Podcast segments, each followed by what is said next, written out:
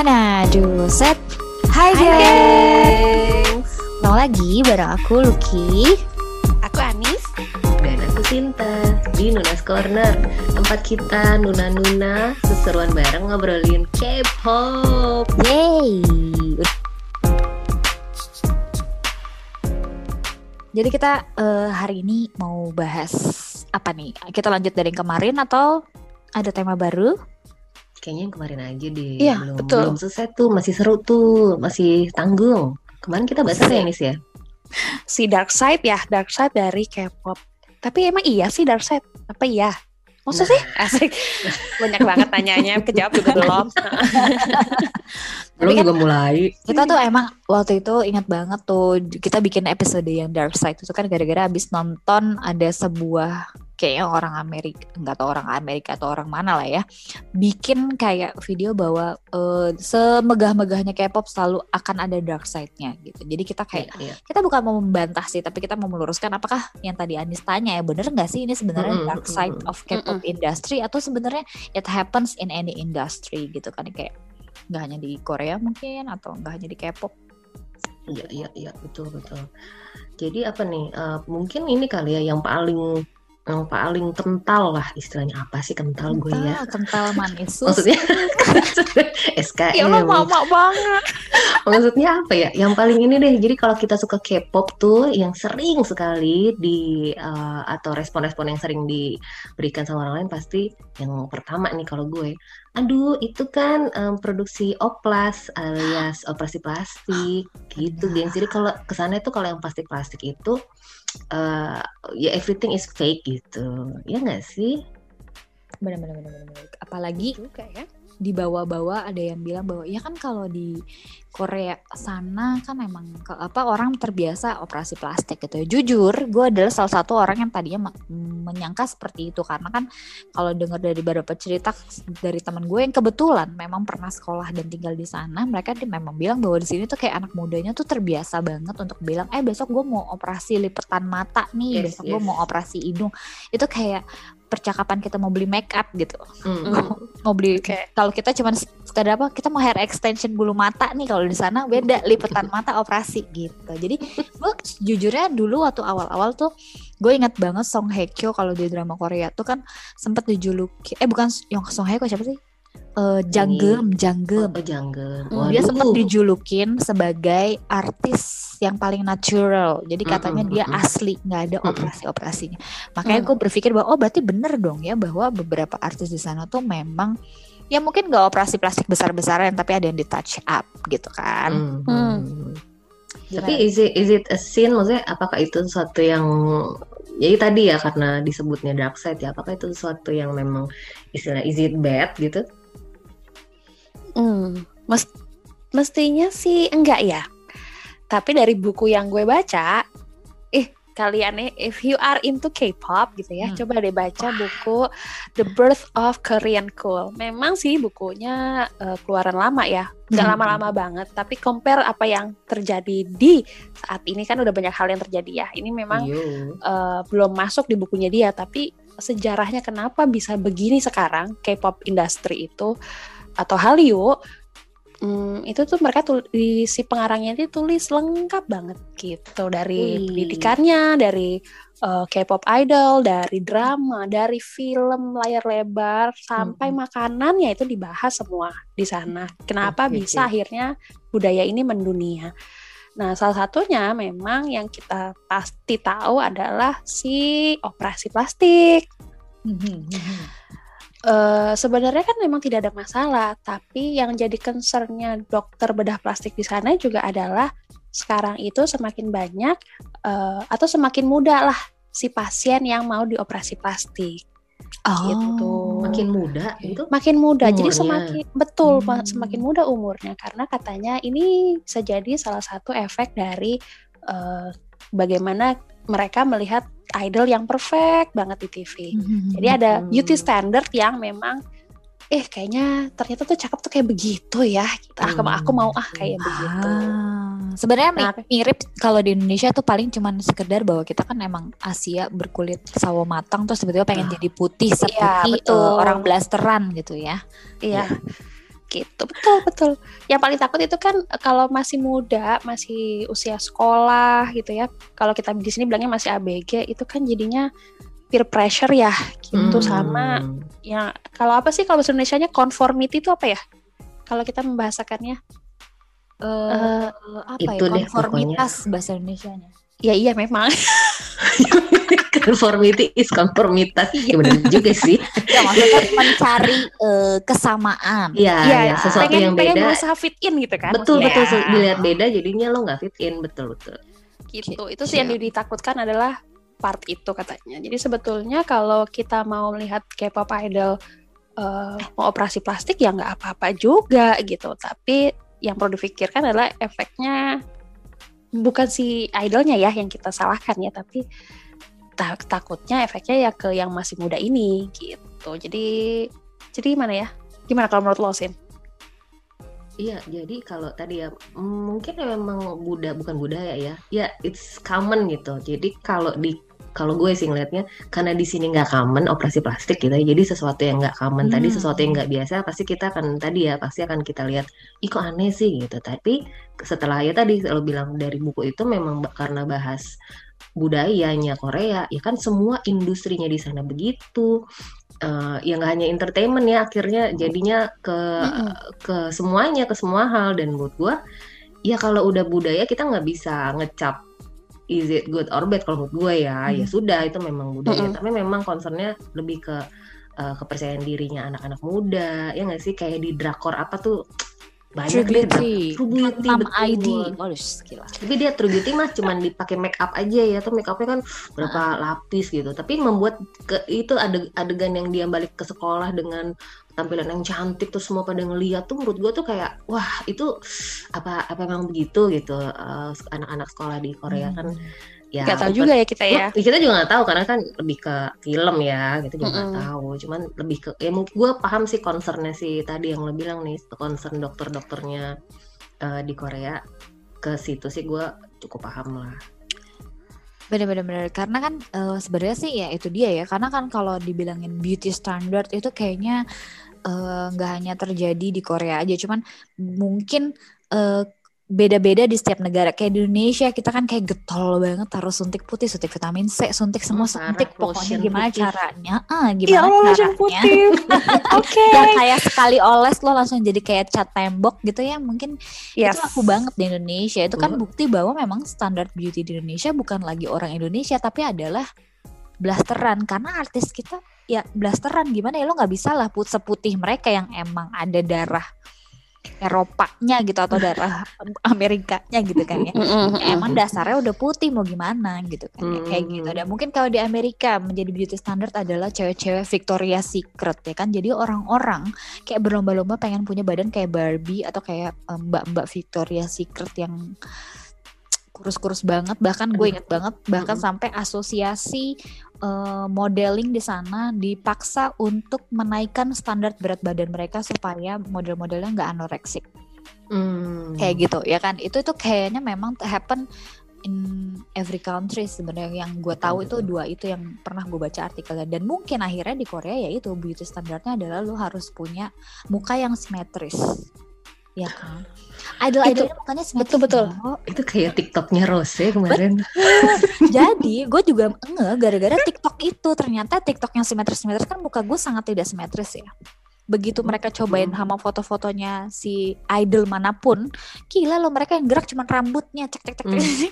karena muka mereka simetris banget gitu parah ya Tapi berarti sebetulnya eh eh, apa yang dibilang sama Sinta tadi di awal, yang kayak ini loh, yang eh ngapain sih lo demen banget sama K-pop itu kan plastik semua. Plastik gitu ya Eh, eh, eh, jadi terus ternyata concernnya di sana itu bukan karena semua orang beda, eh semua orang mau merubah mukanya bukan, tapi lebih kepada kan yang efeknya ke eh, anak mudanya gitu loh. Yes. Tapi kalau di kita karena kita suka K-pop terus di orang menghina menghina apa yang kita suka gitu bukan karena itu ngerti gak sih? Jadi kayak it's a Iya, two iya, different iya. thing gitu loh.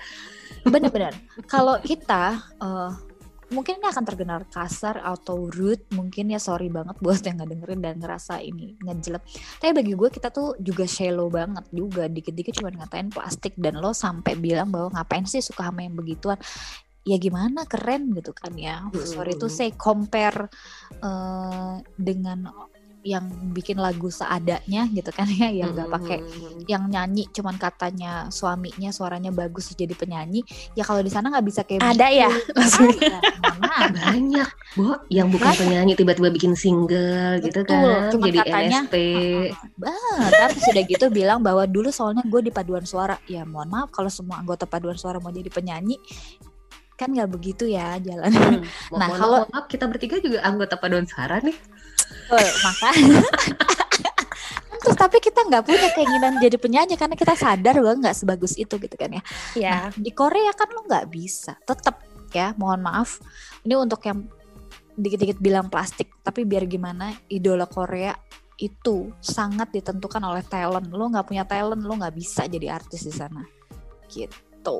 Karena lo jelek dikit, lo dihujat men. Jadi lo nggak mungkin diri penyanyi yeah. suara lo jelek kalau di sana tuh nonsense gitu. Di sana lebih keras kayaknya ya. Atau ya bukan lebih keras ya kayaknya mungkin beda tadi balik lagi beda sih. Jadi kita nggak bisa nggak bisa bilang di di sana gimana. Karena mungkin kita compare-nya sama di sini sih kalau menurut gue. Karena gue ngeliatnya mereka tuh high standard nggak sih? Mereka very competitive gitu. Jadi kayak when you are ugly aku semua akan merasa bahwa gitu doang mah gue juga bisa gitu Iya, balik lagi kan ke ke standar awalnya yang pokoknya kalau jadi idol ya mesti image-nya mesti bagus. Tuh. Bisa semua, bisa dance, bisa nyanyi gitu loh. Kalau nggak kalau nggak bisa juga ngapain jadi idol gitu loh istilahnya kan dibaliknya. Tuh. Mm -hmm. Jadi memang high standard mm -hmm. di sana. Jadi tapi mm -hmm. Nah kan Iya balik lagi ke high standard ya. Jadi emang harus lengkap gitu, paket lengkap dan dan yang pernah kita bahas sebelumnya kan gengs kalau uh, artis-artis atau idol-idol di sana juga harus uh, pinter juga gitu. Kayak kayak di sini deh kita ada wajib belajar 9 tahun gitu lah ya. Mereka pasti ada juga kan ya di sana. Uh, jadi mereka tuh nggak boleh bol, eh nggak bukan nggak boleh bolos, nggak bisa putus sekolah gitu, tetap diperhatiin sekolahnya. Dan kalau lo nggak nggak lulus atau lo nggak lulus SMA itu nanti dihujat lagi tuh. Susah susah jadi artis di Indonesia di Indonesia di Korea. Lo kayaknya harus lebih bersih kayaknya harus apa SKCK-nya lebih bersih daripada lo menjadi presiden di Indonesia. SKCK Terus ngurus habis perpanjang SIM loh. Ki. Enggak kan surat keterangan kelakuan baik maksud gue. Iya, iya, kan, iya.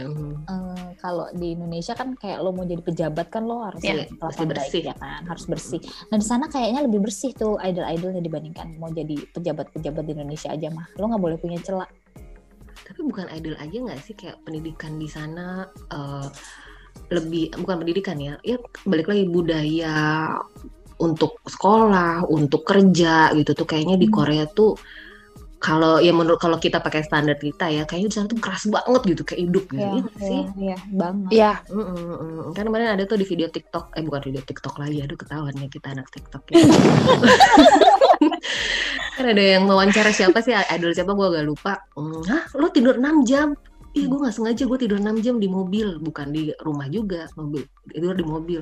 Ya Allah itu enak banget privilege banget kita tuh tidur satu dua jam aja kayaknya udah udah alhamdulillah gitu. Nah kita ngira bahwa itu terjadi hanya di idol. Padahal ya nggak sih? Lo ya ya sana tuh untuk untuk pe, untuk jadi pekerja untuk bekerja di sana untuk sekolah di sana ya lo harus spend atau investasi waktu yang luar biasa.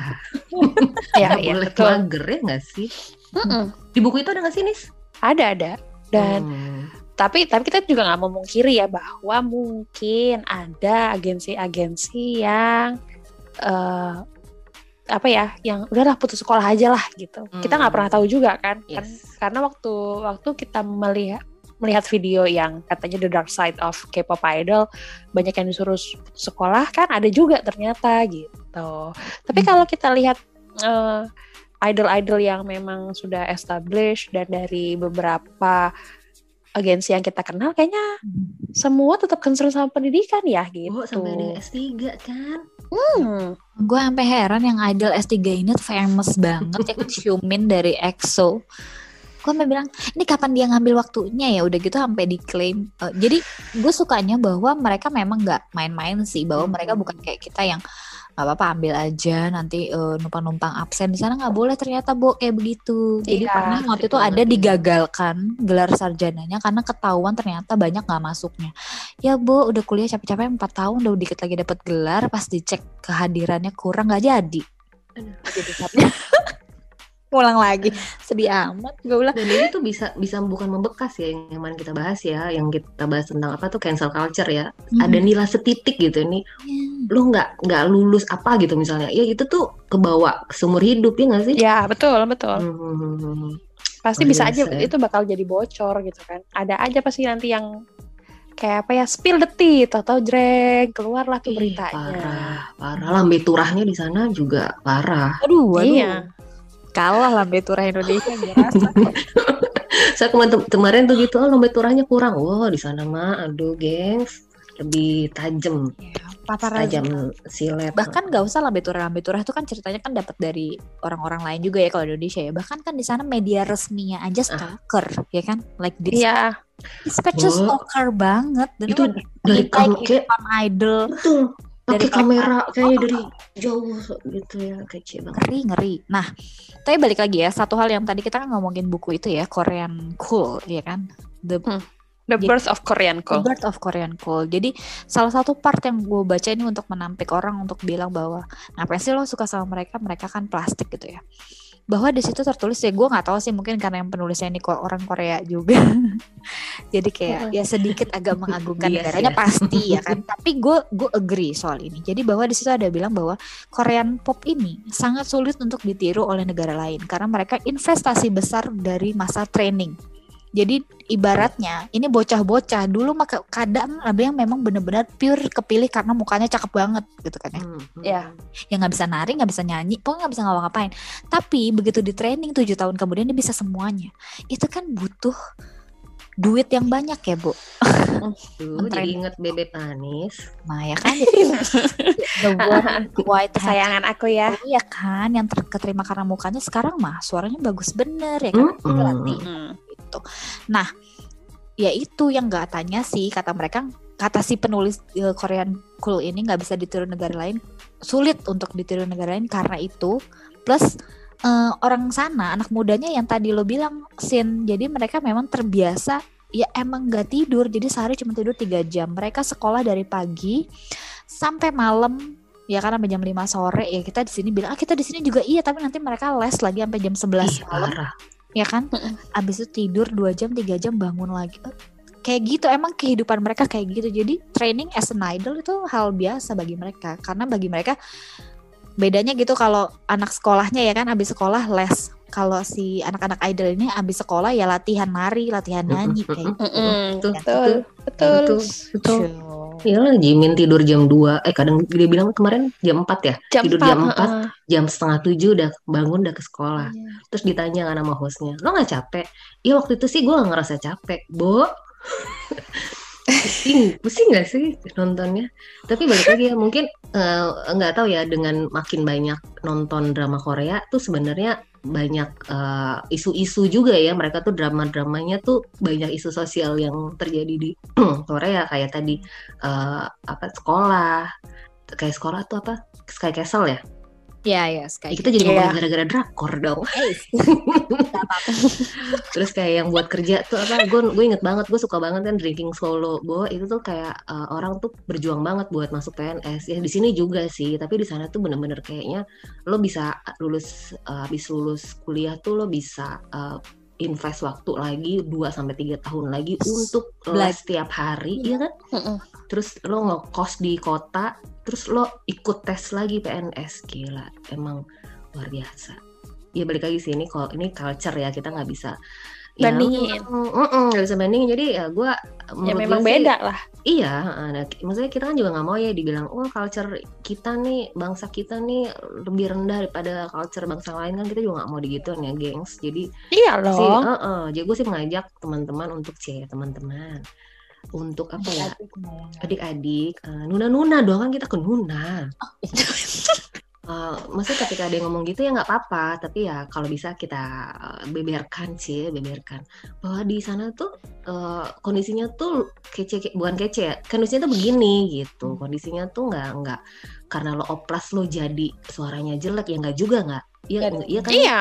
Hmm, hmm, malah lah suara sama suara ya kan. Iya, memang jadi paket lengkap aja gitu, pelengkap kan gitu kalau menurut gua sih. Iya betul, betul sekali. Ser- Serius banget sih kita kalau malam tuh ya. Enggak Ngeri ya? buat masa udah dengerin Nuna Nuna yang pengalaman hidup lebih banyak ini asik. Asik. Enggak juga. kan sian yang dengerin kan. Oh iya iya iya benar. Seru lah, seru. Korea tuh seru. Jadi temen gue akhirnya tertarik ya karena tadi eh, bahas Hallyu-nya. Hmm. Tapi eh, ketika orang ada orang yang bilang kita bisa kok kayak gitu ya tadi kan di buku aja bilang itu tuh susah karena memang mereka tuh satu negara Yes. mendukung untuk itu dan ini tuh Oh. it happens bukan terjadi satu dua tahun ya nggak sih gengs? Iya. udah dari sekian puluh tahun lalu gitu istilahnya dan mereka pandemi bisa survive loh hebat banget gak sih konser mulu comeback mulu boh ini yang comeback lebih banyak lagi kan Semua langsung lemes ya. tapi seru maksudnya mereka tetap berusaha nyari cara untuk produktif. Kece. Gue bilang gue gue sukanya hmm, gue tuh pernah ya kembali emang gue anak TikTok kita akui aja gitu ya. Tapi eh, jadi orang Korea dan gue setuju ya. Maksud gue eh, jangan terlalu meromantisasi sebenarnya hal-hal yang lo lihat di TV karena betul. ya kan tidak semuanya itu seindah yang lo lihat. Karena perjuangan mereka kerja keras mereka hal-hal yang sebenarnya tidak seindah yang lo tonton di TV khususnya di drama-drama eh, romantis gitu ya. Nggak kayak begitu. Jadi jangan terlalu meromantisasi deh gitu Hmm, betul, sebenarnya. karena le- lebih baik lo menghargai wah keren banget ya orang bisa kayak gini. Tapi eh, sebenarnya gue nggak tahu sih budaya ini nih sebenarnya tidak hanya terjadi di Korea juga mungkin ya. Karena kan Yes. artis-artis profesional rata-rata ya kayak begitu. Ya gue nggak tahu sih kalau di Indonesia kayak gimana. Apakah seperti ini juga I don't know mungkin yang udah jadi artis di Indonesia bisa ceritakan kepada kami apakah perjuangan anda memang sebegitu beratnya ya balik lagi sih ya kita mah ini aja lah Iya gengs, jadi ya balik lagi ya tadi di awal yang kita omongin eh is it good or is it bad? Iya, kita nggak bisa nilai ya nggak sih gengs? Mm-mm. Gimana tuh Nis? Ya, jadi seperti yang tadi udah kita bahas ya. Jadi eh, budayanya kita sama budaya Korea itu udah pasti beda. Dan nggak bisa dibilang yang sana lebih bagus atau budaya kita yang lebih bagus, enggak. Pasti masing-masing punya plus minusnya. Terus kalau jadi idol, kenapa sih eh, kelihatannya everything is so perfect karena mereka memang dilatih ber- eh, dilatih setiap hari dengan waktu latihan yang lama sekali bertahun-tahun baru dia bisa jadi idol. Dengerin Jadi kalau lelah ya.